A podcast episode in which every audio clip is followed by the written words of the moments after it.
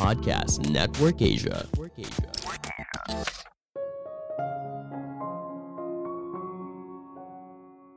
Sebuah inovasi tidak berasal dari orang dengan pemikiran yang sama, namun berasal dari pencampuran berbagai ide yang berbeda.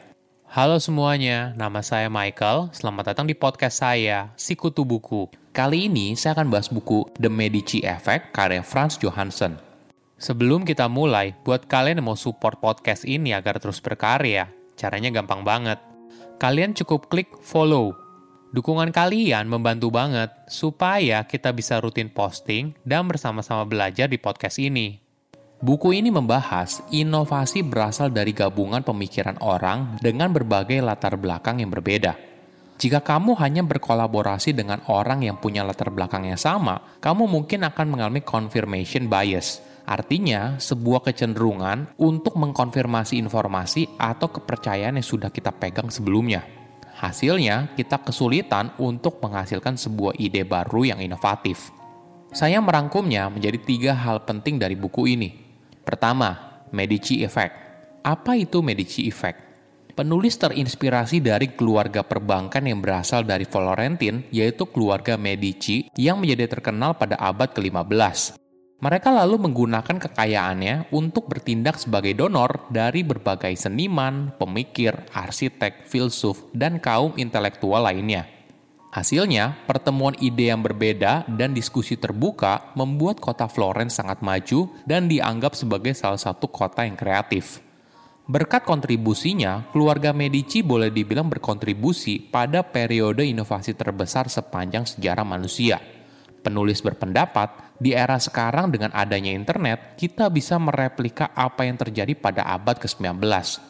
Kita bisa menemukan berbagai ide berbeda dengan mudah dan menjadi solusi atas tantangan bisnis dan pribadi yang kita hadapi saat ini. Ada dua tipe inovasi di dunia, directional dan intersectional. Directional adalah tipe inovasi yang biasanya terjadi, perubahan yang dilakukan sedikit demi sedikit untuk menyempurnakan sebuah ide menjadi inovasi yang mengubah dunia. Tipe inovasi ini sudah punya gambaran jelas mau ke arah mana sebuah ide dibentuk dan diwujudkan. Di sisi lain, intersectional adalah tipe inovasi yang mampu membawa dunia ke arah yang berbeda. Inovasi ini muncul berkat pencampuran berbagai ide yang berbeda. Ada contoh menarik dari penyanyi terkenal Amerika Latin bernama Shakira. Saat dia memulai debutnya di Amerika Serikat, lagunya langsung masuk dalam tangga lagu top di Amerika Serikat. Musik yang ditampilkan sungguh tidak biasa, bahkan bagi para penggemar di Kolombia. Ayahnya berasal dari Lebanon dan lagunya merupakan kombinasi dari nada Arab dan Latin sehingga menjadi pencampuran lagu pop dan rock unik yang tidak pernah dinyanyikan oleh penyanyi Kolombia pada masa itu. Semua hal ini hanya bisa terjadi ketika berbagai ide bertemu dan bercampur menjadi sebuah inovasi yang bermanfaat.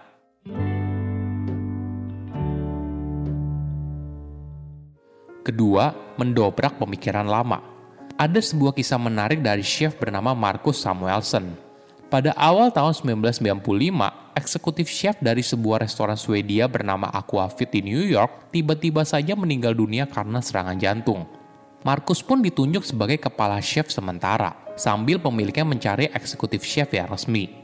Awalnya pemilik Aquafit ragu karena Markus dianggap masih terlalu muda yaitu berumur 24 tahun.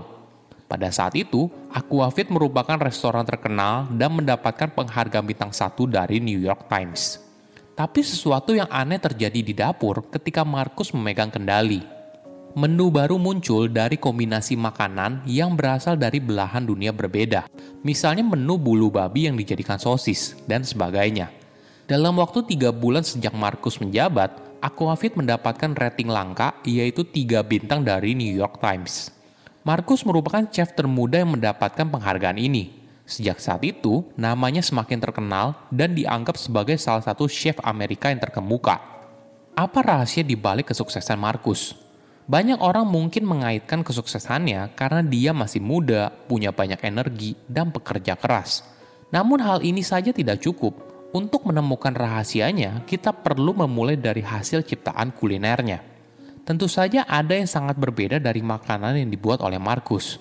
Walaupun Aquafit masih menyajikan kuliner dari Swedia sesuai dengan tema restorannya, Namun yang berbeda adalah gabungan antara kuliner Swedia dengan bahan lain yang kamu tidak akan temukan di restoran Swedia mana pun.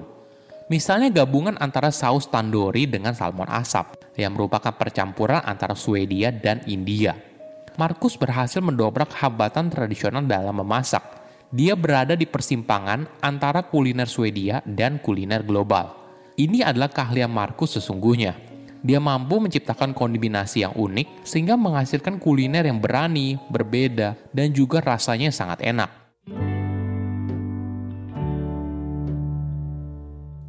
Ketiga, terbuka dengan ide baru. Bagaimana seorang bisa terbuka untuk menggabungkan berbagai ide yang berbeda? Jawabannya yaitu orang tersebut memiliki low associative barrier. Contohnya seperti ini.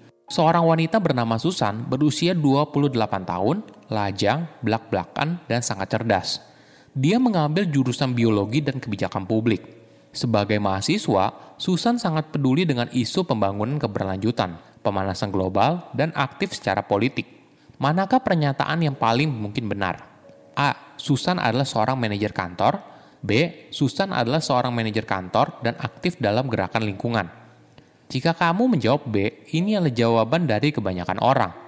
Namun jawaban yang benar adalah A. Jika kamu bingung, coba kita pakai analogi yang lain ya. A. Sebuah apel berwarna hijau. B. Sebuah apel berwarna hijau dan mahal. Kali ini jawabannya pasti lebih mudah ditebak, yaitu A. Dua pertanyaan ini serupa, namun disajikan dalam format yang berbeda. Pada pertanyaan pertama, otak kita langsung berusaha untuk menghubungkan berbagai hal tersebut, sehingga kita jadi membuat asumsi siapa Susan sebagai manusia, daripada terbuka atas berbagai kemungkinan apa pun. Ini memang cara kerja otak. Ketika mendengar sebuah kata atau melihat sebuah gambar, otak kita langsung menghubungkannya dengan ide tertentu, menyatukannya satu sama lain. Cara kita menghubungkan hal tersebut biasanya berkaitan dengan pengalaman kita sendiri. Misalnya begini, Ketika seorang chef melihat ikan bawal di pasar, mungkin saja dia langsung berpikir soal menu apa yang bisa dibuat dari ikan tersebut. Beda halnya dengan seseorang yang hobi memancing. Mungkin saja dia malah berpikir soal ikan bawal yang pernah ditangkapnya dulu saat pergi memancing. Metode ini membuat otak bekerja sangat efisien. Namun di sisi lain, kita jadi tidak bisa berpikir dengan lebih luas. Kita tidak lagi bertanya, gegabah mengambil kesimpulan, dan tidak berusaha untuk mencari cara berpikir yang lain. Ada penelitian yang menarik. Kata apa yang kamu pikirkan ketika kamu membaca kata kaki? Respon yang paling umum adalah sepatu, tangan, jari kaki, dan kaki. 86% responden dalam tes dengan lebih dari 800 orang menjawab dengan salah satu dari kata tersebut. Di sisi lain, hanya satu orang yang masing-masing menjawab dengan tikus, salju, fisika, anjing, atau topi.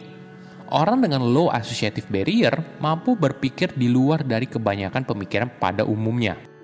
Sebuah ide tidak hanya harus baru, namun harus bermanfaat bagi masyarakat.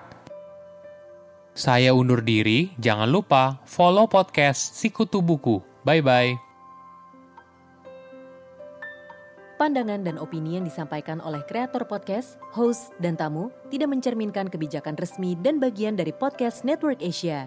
Setiap konten yang disampaikan mereka di dalam podcast adalah opini mereka sendiri dan tidak bermaksud untuk merugikan agama, grup etnik, perkumpulan, organisasi, perusahaan, perorangan, atau siapa pun dan apa pun.